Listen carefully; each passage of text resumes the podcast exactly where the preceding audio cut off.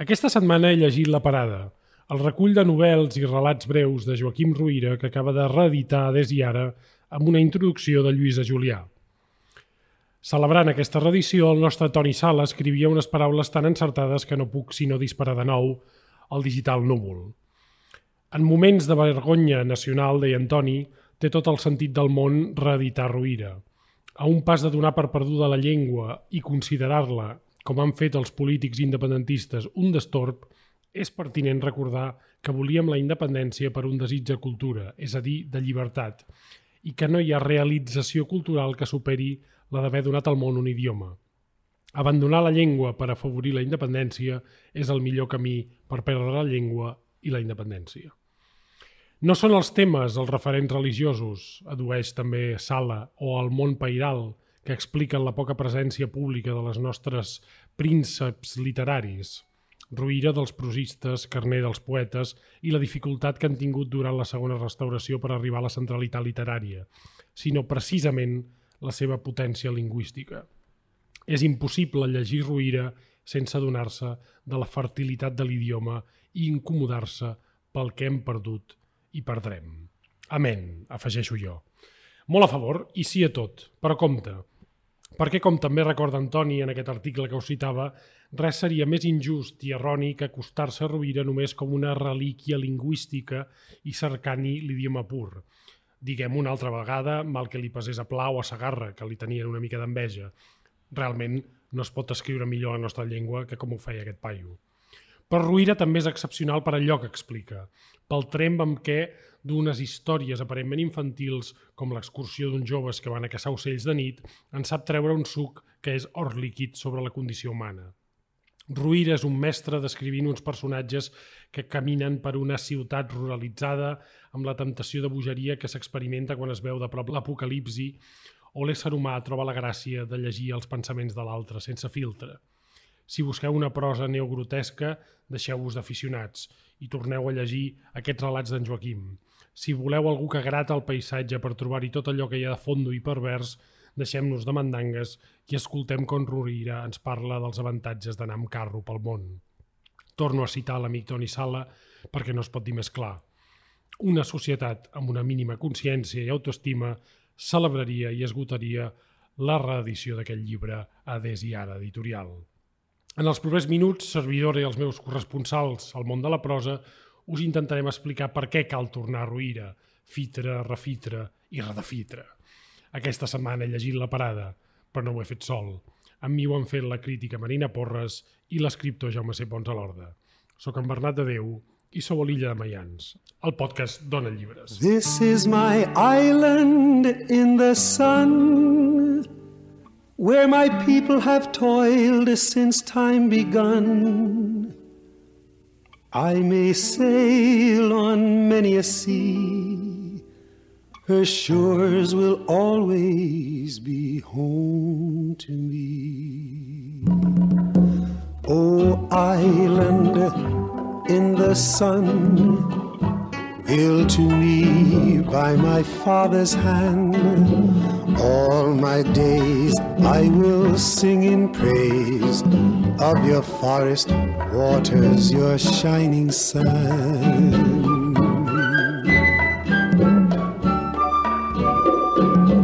Soc James. Ué! Marina, com estàs? Bon dia. Bé, ja tenim aquí el gegant. El príncep de la prosa catalana. I per començar, s'ha de dir una cosa, que és la butxaca hi ha un volum de narracions de Joaquim Ruïra que recollia la prosa completa amb un pròleg de Toni Sala que sembla que ens pagui, però no. Uh, No tenim comissió. no tenim comissió, però és que realment s'ha de reivindicar. Bueno, jo almenys he de reivindicar que, que, que gairebé totes les coses que sé eh, de Ruïra és perquè el Toni Sala les ha estudiat i les ha explicat molt bé i aquest volum que es titula Narracions eh, i que recull tota la prosa de Ruïra i que es troba a la butxaca, doncs resulta que no està disponible. Està descatalogat de fa molt de temps que jo no el tenc. Reeditau-lo ja, cabrons. Sí, sí, i això és el que s'ha de dir abans. I m'has dit que estava a 62. Sí, A la butxaca, vam fer una la edició butxaca. de la butxaca que és molt pràctica i que jo la tinc i que la recomano i per, i per la universitat i per tot i, Clar. i ningú la pot trobar i per tant això, mm, sisplau, Pau, doncs no costa tant. 62, eh, propietat del grup Planeta, molt interessat en que la cultura catalana arribi a, a, vaja, a, no tenir límits, no? com et pots imaginar. A més que Rovira realment és que és, és un escriptor català que defineix tot el segle XX. Eh? O sigui, és, això el Toni Sala ho explica molt bé, però és un escriptor que condiciona com cap altre la prosa del XX fins a, mm. fins a Josep Pla, que no, no li tenia enveja. O sigui, Pla reconeix molt el mestratge Sí, de... però de tant en tant li fot alguna, de alguna. El bufetadeta. Eh? retrat, que li, el retrat que li va fer era una miqueta passat de rosca, per exemple. Però, però, sí Però que és cert que, sí que, és cert que li reconeix el, el, li reconeix el- mestratge, el mestratge. com fa també Rodoreda, com fa Víctor Català. Jo crec que Rovira és un escriptor germinal. Sí. O sigui, és com de base, o sigui, és com un sí, sí. punt de partida quan has d'escriure i llegir en català no entens res si no tornes a, Totalment. primer a Rovira. I, Sí. I reivindiquem també el Toni Sala, que no només ens ha, Sí, sí. ha visitat, sinó que és un escriptor del qual tothom se'n fotia quan va treure la petita crònica d'un professor de secundària i està fent una carrera literària per mi de les més interessants que tenim al, al país i que també és un grandíssim autor de textos crítics, eh, com certifica el, el pròleg aquest, i sempre que fa un article realment el Toni diu coses tan clares com les que he citat i que realment val la pena recordar mm. Una cosa tan senzilla com que sense llengua no hi ha país avui que tothom se n'està donant de pressa i corrents que això del català, especialment a Barcelona, doncs no ho tenim gaire, gaire en forma, per dir-ho així. Jaume, deia jo, no hem de pensar només que Ruïra és un autor important per la llengua, però parlem-ne una mica també, perquè és que Sí. la, la riquesa que té en l'adjectivació, en la manera de fer servir desacomplexadament el català, aquest paio és extraordinari. Uh, té molta gràcia. Jo no sé si és simptomàtic que uh, els editors hagin decidit, els, els editors de Desiària, hagin decidit posar un diccionari amb algun dels, dels termes que, que surten en aquest llibre fantàstic perquè se'n sàpiga el significat o per esclarir el significat, perquè realment el català no passa els seus millors moments i hi ha molta gent que si llegeix aquest volum segurament no entendria moltes paraules. No? Motiu de més per tornar-hi i per de tant en tant agafar el diccionari, però no perquè Ruïra sigui un autor eh, que vol ser incomprensible, sinó perquè utilitza el català d'una forma natural eh, com un idioma de primera, diria jo. Jo que sóc professor d'escola d'escriptura, una autèntica escola d'escriptura és llegir en Joaquim Ruïra des principi fins al final. Perquè el mestratge que t'atorga llegir la manera com s'enfronta a diferents contes, amb aquesta energia, amb aquesta llengua i amb aquest esperit, és vigoritzant. És una cosa absolutament meravellosa. I mentre esperem que la Butxaca o qualsevol altra editorial mos torni a recompensar amb l'obra completa, les narracions d'en Joaquim Mos Ruïra... torni allò que és nostre. Exacte, lo nostre. doncs jo crec que Desiara mos ha fet un gran favor reeditant aquest volum i a més a més amb una introducció d'una de les màximes especialistes amb aquest autor com és na Lluïsa Julià i és un volum que també mos ajuda també a descobrir molts dels elements claus d'aquestes proses. A més a més ve amb un pròleg molt interessant d'en Joaquim Ruïra en que parla que després dels gran èxit que va tenir Marines i Boscatges, ells ja el comparaven amb Cervantes i tot, va tenir com una baixada, una baixada que se correspon amb una època turbulenta de la vida bohèmia i els darrers esclats que va tenir i ell en certa manera en renega la recerca d'una espècie de redempció cristiana gairebé. En certa manera aquí també se pot trobar, per exemple, amb un conte que crec que és formidable com és el vals final. El vals, el vals final és extraordinari i parla d'això, no? de, però han vingut aquí a ballar. Hòstia, això és d'una modernitat extraordinària. Heu, hem parlat d'altres influències, en Josep Pla està clar, en Sagarra està clar, en Mercè Rodoré està clar, també en Salvador Espriu eh, va parlar molt del mestratge que va tenir precisament d'en Joaquim Ruïra i no és estrany, perquè és un autor que mos mou entre el costumisme més radical i la fantasmagoria més bèstia. I aquest contrast és absolutament meravellós, perquè, per exemple, això se pot veure amb el conte que dona títol en el recull que és La Parada. L'aventura d'aquests al·lotellos que van a muntar Ara hi- aquesta ara hi parada entrarem, sí. per caçar ocells s'explica com un conte gòtic. I és per això que en Ruïra s'ha eh, enllaçat molt en sobre, per exemple, d'un Stevenson, s'ha enllaçat, enllaçat molt en sobre d'un Conrad, perquè transformen la realitat en quelcom meravellós. I això és també una mm, essència que ve, en certa manera, del modernisme, que no cercaven tant la constatació de la realitat com sí que varen voler després els noucentistes, sinó que volien una exuberància de llenguatge perquè la realitat no és una cosa que s'ha de descriure, la realitat és una cosa que s'ha de crear des del fonament de la literatura. Per tant, Ruïra és hereu d'això, però ho porta cap a un nivell de qualitat en llengua catalana que poques vegades ho han vist superar. Deies un autor germinal, no, Marina? Un, un autor sense el qual és molt difícil entendre tot el que vindrà després. Jo crec que Ruïra serveix per entendre, en primer lloc, la consciència de la llengua, és a dir, Toni Sala ho explica molt bé, que va, mm, Ruïra va instaurar com un model d'escriptura que es va fer famós a partir de Pla, segons el qual escriure consisteix a trobar l'adjectiu precís. O sigui, Ruïra és la consciència aquesta extrema de cada paraula a, a cada lloc. Per tant, jo crec que serveix per entendre la consciència de la llengua, serveix per entendre una idea de paisatge, importantíssim, i després en parlarem amb, amb la parada. Serveix per entendre el lligam entre els homes i la terra, que és una idea que es repeteix també moltíssim en autors com, per exemple, català. I serveix molt per entendre la relació entre el desig i la violència, que és un tema que recorre tota la narrativa contemporània i, i la narrativa catalana especialment. I això mm. neix amb el canvi de segle del XIX al XX, amb tot un seguit de dinàmiques que es poden veure en, en autors com Uller, de fet, uh -huh. des, de, des del principi, en Baireda, i també amb, amb Ruïra.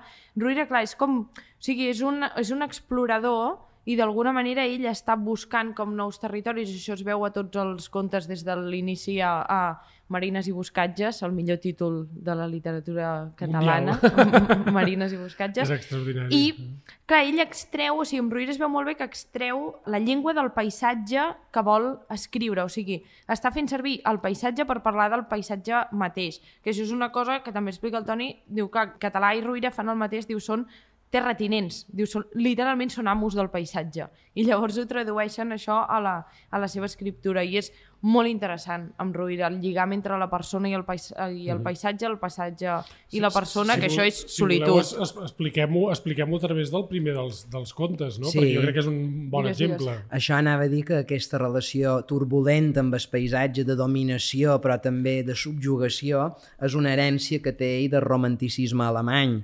Ell va, Sí. se va sentir molt fascinat, per exemple, per la figura d'en Novalis i en aquest sentit moltes de les escriptures d'en Ruïra tenen aquest aire de fantasmagoria, tenen un aire visionari, cosa que l'emparenta en la poesia. En Joan Maragall, per exemple, quan va veure unes declaracions d'en Ruïra dient que eh, allò ho havia escrit sota, com un mèdium, que ell no havia escrit res, sinó que l'havia vengut donat, en Maragall diu, jo fa molts anys que escric així. Per tant, la prosa d'en Ruïra té aquesta alta qualitat, fins en el punt que els grans poetes del moment, com varen Sant Maragall, en Carles Riba i en Josep Carner, varen considerar que era el millor prosista que havia tingut la llengua catalana. Per tant, això se manté. I m'agrada molt aquesta relació que té ell amb el paisatge perquè ell aplica conceptes de romanticisme alemany i de romanticisme anglès a la realitat catalana. Clar, això, això relliga molt amb el primer dels, dels relats, amb, amb la parada, que és aquesta excursió magnífica d'uns nanos que van a, que s'atreveixen anar a caçar uh, ocells de nit, on es veu justament això, no? la fascinació pel perill i pel viatge, aquesta cosa stevensoniana que deies, i també la relació amb el paisatge, amb la, el perill de la foscor, la relació amb els ocells. És una narració trepidant i perfecta, perquè realment hi ha moments que arribes a sentir fins i tot por Sí, sí, d'aquesta sí. pujada, d'aquest ascens a la muntanya. No? És que el moment en què el narrador i principal protagonista ha de sortir del llit havent aguantat tota la nit sense dormir-se, perquè una determinada hora han d'anar fins en aquell racó per poder muntar la parada i ses primers i que Exacte. ningú no Perquè els hi no foti. perquè no els hi fotin perquè no els hi fotin. paradeta, sí, Clar, sí. la manera com t'ho explica està tan ben fet com una, com una gran intriga mestra, no? I diu, ara faig un soroll, i a més a més t'ho explica de tal manera que mou una mica de la porta i diu, se varen sentir uns terrabastalls que no sé què, i era la porta que grinyolava, no? La manera com t'ho expliques d'una gran exuberància. A més a més, en Xaneta, el personatge propi de la terra, tel·lúric absolut, amb aquesta llengua tan viva que parla amb aquesta manera salada que tenien Sí, els sí, habitants sí. de la Costa Brava, i és que gairebé xer- xerra com si fos mallorquí, mos demostra aquest contrast constant, no? I en aquest sentit és, és un conte meravellós, és fantàstic, epifànic i amb un final tremend. I peeked in to say good night. Aquesta setmana que hem llegit Ruïra us vull recomanar un assaig de Gabriel Ferreter que és el curs de literatura catalana contemporània que van publicar fa un parell d'anys a Empúries en edició de Jordi Cornudella. I us el vull recomanar perquè aquí Ferreter fa una classe sobre Joaquim Ruïra i en concret sobre la parada, que és una de les millors lectures que jo he llegit sobre uh, aquesta obra i serveix per entendre tant la parada com la figura de Joaquim Ruïra com per entendre els lligams de la tradició que conforma el segle XX català.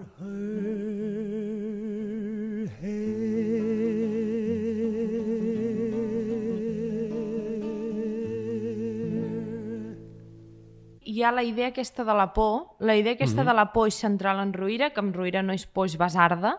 Hi ha un conte eh, que és un dels meus És preferits. acolloniment, directament. És- És, és- és, un acolloniment bestial. Sí, sí, Però- no, no, és que jo, jo, hi ha pocs autors que m'hagin fet sentir la por, com quan llegia això. A més a més, una por infantil, perquè... És, és basarda, que és una por que és com molt concreta, però alhora és gairebé existencial. Uh -huh. Hi ha un conte de, de Marins i Busquetges que es diu La Fineta que eh, comença dient la Fineta és sola a casa i la basarda no la deixa dormir. Llavors, tot, el, tot aquest conte és Ruïra intentant explicar què vol dir aquesta basarda, que és una por concreta i alhora una por de tot. Clar, aquí, els protagonistes d'aquest conte, com els protagonistes de moltes narracions de Ruïra, és un nen que s'està transformant en adult. Exacte. Això és una constant. O És sigui, molt important, És això. un nen que deixa de ser nens. Els nens, i això ho explica Toni Sala també perfectament, estan en contacte amb la natura d'una manera Molt orgànica, o sigui, sí, com russoniana, tot és una natura amable, feliç, tal.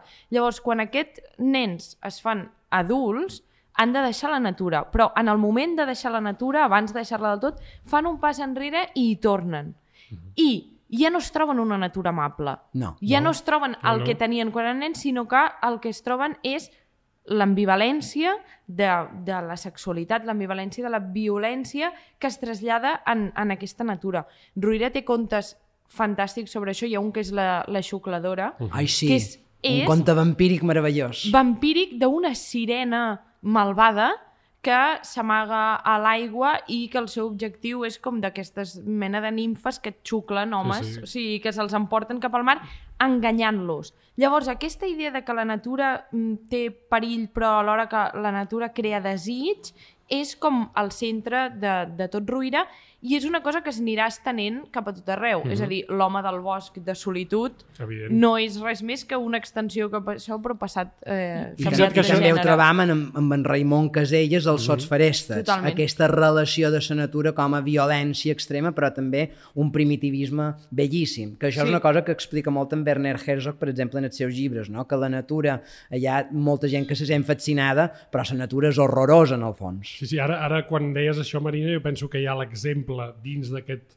eh, conte que és tan brutal que dona eh, també nom al recull, que és la parada, el moment en el qual els nanos veuen amenaçat el seu, eh, vaja, el, el, el tros de muntanya allà on estan amagant-se o esperant Sí. que arribin els ocells i ve un habitant del poble que acostuma a passar per aquell lloc per caçar ocells i ells es pugen a unes roques per semblar més alts. Mm. Sí, sí, per despistant en llambregues, no? en llambregues, perquè clar, i estan cagats de por, però fan aquest truc, aquest truc és un truc d'infant, de posar-se, em sembla que es posen un barret i es Sí, posen sí. a sobre les I roques, encenen uns pals, sí. van amb Com unes si- torxes fent fum i fent flama. com si fossin més alts, i realment ells se'ls... es- És una escena molt cinematogràfica, també, Sí, perquè sí, veus com sí. ell se'ls mira i finalment se'n va. En el principi està- sembla que s'acosta Sí. una miqueta més, diuen, ai, no ha funcionat, però veuen que és per corroborar el que ha vist. Clar, és un, és un pas a l'etapa adulta, eh, encara amb el truc infantil que està tan ben explicat i, i, i realment sents la besarda, no? perquè és aquest moment de dir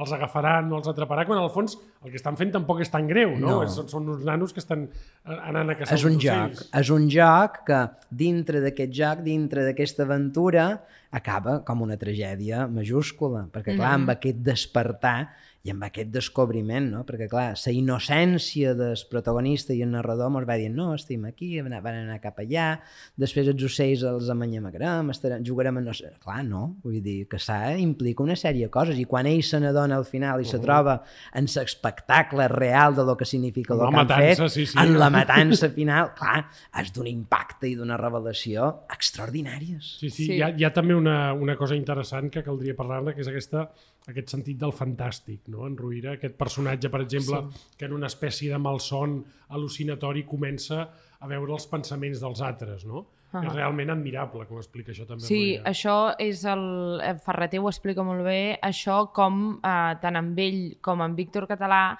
com que provenen d'una classe social que són aquests terratinents rurals, tenen un imaginari, un folklore uh -huh. tan potent que diu, o sigui, Ferreter diu que això sol els hi salva tota la seva literatura. És a dir, que del seu univers mític, diguéssim, en poden treure tot el que necessiten per escriure i per salvar-se. En el cas de, de Ruïra, això Ferreter ho concreta amb el seu catolicisme, Sí, sí, sí, sí. Diu que la, la moral catòlica és el que li serveix molt a, a Ruïra per fer les, les seves jerarquies, aquestes lliçons morals en els contes. Sí. Diu, clar, diu, és un magnífic conte sobre la ingenuïtat. A Ferreter li recorda la ingenuïtat de certa gent de ciutat i en contrast amb, amb, amb la mala llet del Xaneta, que és el nen aquest eh, pagès, diu, això és com diu la gent d'esquerres d'ara que no entenen que el poder polític és poder. Diu, aquesta mm. gent d'esquerres que es pensen que els països tenen bombes atòmiques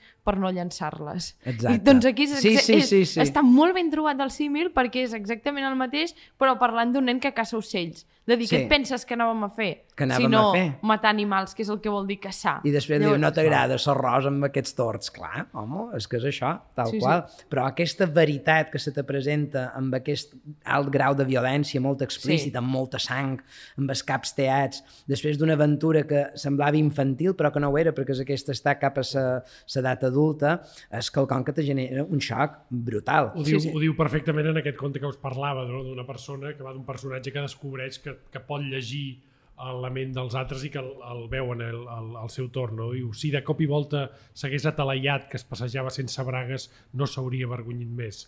Va sentir-se nu davant de tothom, pitjor que nu. Sabia que les nueses que ensenyava eren deformitats. Eh? Mm -hmm. En aquest moment on la clarividència segurament és monstruosa, no? Eh? Són personatges, quan, quan hi veuen clar, veuen que tot és espantós, per dir-ho així. Clar, de fet, tot, Ruïra tota l'estona està jugant amb el que ensenya i el que no ensenya. Això, el Toni ho explica molt bé, que tota la seva obra és com una mena d'atracció cap a, cap a l'abisme. És a dir, mm -hmm. sempre està com just al caire de l'abisme, a veure si s'atreveix a explicar allò tan bèstia que té davant o no s'hi atreveix. De fet, diu que l'abisme és el seu punt d'observació. I això, per exemple, es veu molt bé a la, a la parada uh, amb la relació que ells tenen amb la natura, que és que l'home participa d'aquesta de la brutalitat de la Clar. natura i, de fet, és l'home que li dona a la condició de brutal a la natura Sí, sí, que perquè sense, mateixa. sense la seva mirada no és res. Sí, sí. També es veu aquesta sensació d'apocalipsi, no? com a, a la fi Sí. del món a Girona. No? A la fi del món a Girona se veu molt. del final. No? Aquest és un conte, a mi em va... Tremabunt, és un conte tremabunt i clar, tu quan llegeixes aquesta prosa que se va enfilant com una escala, no? Comença amb una determinada manera, amb aquest misteri, amb aquesta subjugació, i després cada vegada més trement, cada vegada més bèstia, cada vegada més amunt. És un apocalipsi, l'apocalipsi és això, el, de, el nivell de desastre se va aglutinant a mesura que, que avança, no? I clar, és una prosa d'una riquesa, d'una voluptuositat, però també d'una admiració, que tu, quan llegeixes això avui en dia, dius, ostres, és que és quin nivell tècnic, quina comprensió i quina capacitat que tenia aquest home de crear unes imatges tan increïbles. Sí, sí, com deia la, la Marina, un, un autor germinal eh, que després es veu vaja, en tot el segle XX i que, i que jo crec que serà una, a través de reedicions com aquestes, autors que ens faran entendre més, Jaume, també aquest, aquesta espècie de ressorgiment de la novel·la neogrotesca de la qual hem parlat a vegades. Sí, no? sí. El gran problema, precisament, na Marina ha fet una cosa molt interessant, que és un pròleg, una edició d'un volum que vol- volia recomanar avui, que se diu Afusellats, que són quatre relats modernistes, un de Narcís Oller, un de Marian Baireda, un de Raimon Caselles i un de Víctor Català. I mos mostra que aquí tota aquesta gran literatura ambiciosa, potent, que connectava molt bé amb les darreres tendències mundials, va ser absolutament afusellada, i d'aquí ve el títol de l'antologia, pels noucentistes, I tant. ja que no encaixava en la seva idea d'ordre, en la seva idea de representació de realitat, en la seva idea d'estructura. D'amabilitat grecorromana. Exacte, sí, sí. amb aquesta idea mediterrània. No, no, però és que clar, vull dir, els modernistes escrivien amb un nivell de modernitat que a més a més se pot emparentar molt bé ara amb la tendència neogrotesca actual. es, només hem d'anar a llegir els modernistes per trobar el moment en què mos trobam ara mateix. Oh, my love, my darling, I've hungered for your. Aquesta setmana vos voldria recomanar un recull de contes modernistes afusellats que ha publicat i editat l'editorial Lapis Lazuli amb contes de Narcís Oller, Marian de Ramon Caselles i Víctor Català. Però el que me va fer decidir comprar aquest volum a la setmana llibre en català va ser quan vaig veure que hi havia un pròleg d'Anna Marina Porres i vaig dir això no m'ho puc perdre. Són contes que potser ja hem llegit però a través de la mirada d'Anna Marina veiem tot el grau de violència, de brutalitat i de modernitat que s'amaguen en aquests relats que mos fan entendre el present d'una manera molt poderosa, ja estem recuperant grans obres de la tradició catalana, vos recomano que llegiu la parada d'en Joaquim Ruïra de Ziara, però també aquests afusellats a la perquè vos puc ben assegurar que flipareu gambes. Evidentment trobareu aquests llibres a la llibreria Ona.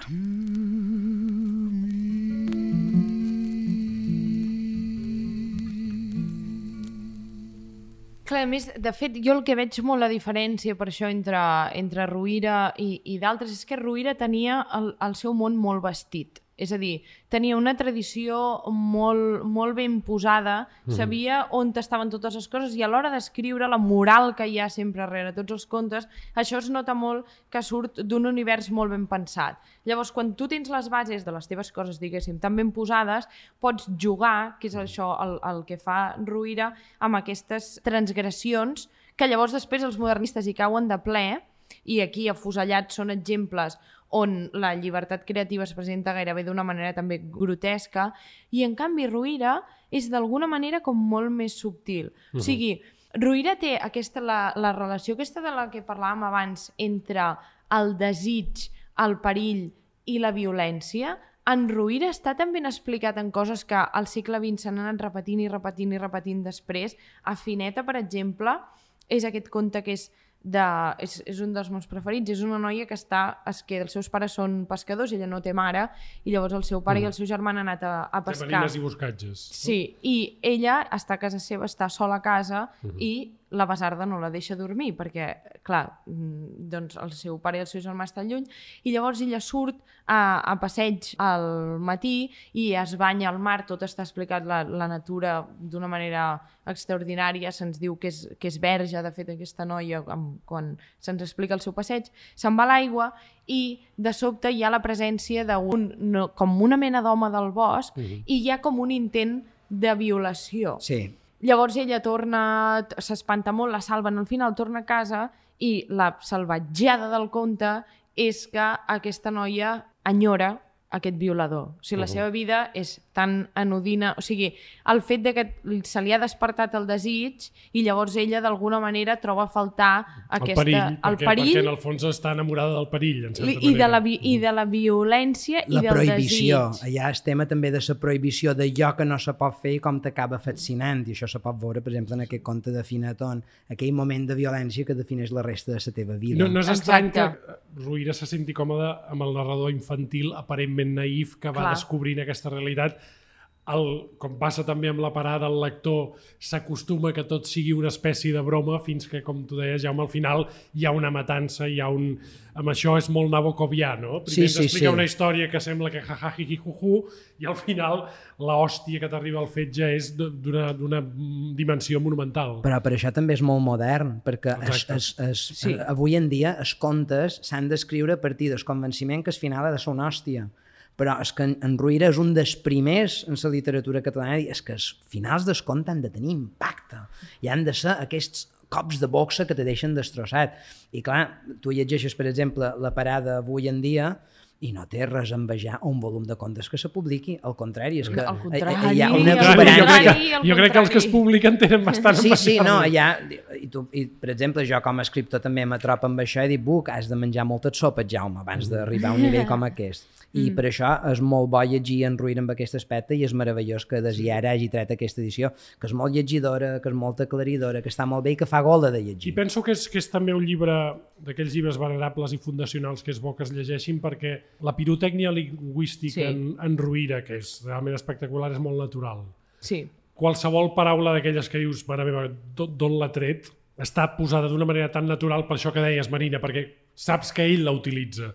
Sí, sí, que és seu, no és gens així impostat com, mai. així com, per exemple, en Ors i en altres escriptors Està recargolat, sí. està tan recargolat que dius, bueno, aquí l'Eugeni s'ho ha pensat molt i ha fet diversos puros a l'Ateneu abans de posar aquesta paraula per, per Mm. diguéssim, pertorbar-nos. No, no, no, aquí el llenguatge brolla d'una manera tan natural que jo crec que, a banda de- d'un gaudi narratiu, eh, aquest llibret, perquè són poquíssimes pàgines, eh, és un llibret de poc més de 200 pàgines, també és un diccionari que penso que, que hauríem de que hauríem de, de digerir i de crear-nos un model de llengua a través d'aquesta naturalitat. I que a més la gràcia amb Ruïra és que com que no és gens artificiós sinó que és molt natural, li ve per, donat per, perquè és el seu llenguatge, perquè és el seu univers, si no saps una paraula, per, primer que per context tot s'entén tot, però llavors si no la busques, però si no és una cosa com si ja et volguessin dir que d'alguna manera és arcaic, sí. quan jo crec que Ruïra precisament és la naturalitat. Sí. O sigui, Sí, que, i, és això és el que els separa dels modernistes, en, cert, en certa manera, perquè els modernistes sí que eren molt més tremendistes.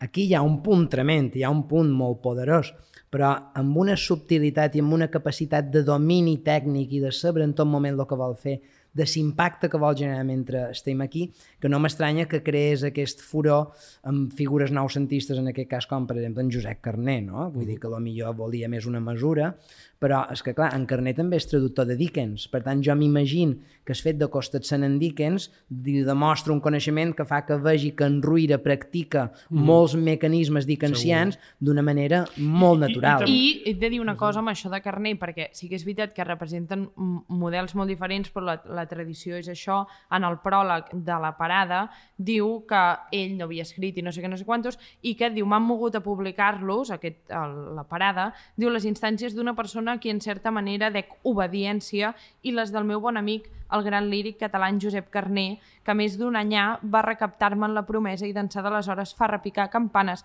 anunciant la funció. Per tant, és això, vull dir que són propostes molt diferents, doncs és un clau que Carné i Ruïra venen Oh, de, i tant. del I- mateix i, lloc. I, i, també, Sí, i també cal dir que s'ha de, sí. de delimitar o s'ha de treure justament límits a, a les dicotomies que hi ha entre el modernisme i el noucentisme que a vegades no ens han ajudat a llegir autors que en el fons veuen del mateix. Abans parlàvem de, de l'Ors i la seva tirri a la novel·la, però també hi ha un Eugeni d'Ors del llibre sobre el barroc, de Gualba, que és un llibre que jo crec que s'emparenta totalment amb, Totalment. Totalment amb Ruïra, sí, sí, perquè sí. tu agafes la història de Gualba i de noucentista, segons els cànons grecoromans de la ben plantada, no té res. Sempre hi ha una cosa fonda que jo diria que és, per això crec que l'adjectiu germinal està molt ben trobat, Marina, no? perquè és, és realment si hi, ha una, si hi ha una figura oculta a la literatura catalana que de tant en tant re- regurgita pràcticament com un rot, com una, vaja, com una presència soterrada que, que es resisteix és, és la de Ruïra. I per tant, amb diccionaris o no finals, ja ho discutirem amb en Jordi Reventós, mm. del qual lluem el catàleg perquè realment a des i ara està fent una feina brutal. Us, us demanem que, que compreu aquesta parada, que el llegiu, que el gaudiu, que si no enteneu una paraula l'aneu a buscar al diccionari, que és una cosa que ens passa a nosaltres també, perquè no, no les sabem totes, i que sobretot després les utilitzeu i les naturalitzeu, perquè aquí n'hi ha, n'hi ha moltíssimes paraules que després et porten a idees, que et porten a històries, que és la gràcia d'aquesta cosa que anomenem uh, literatura. Jaume, Marina, moltíssimes gràcies. Ué! Fins a la propera.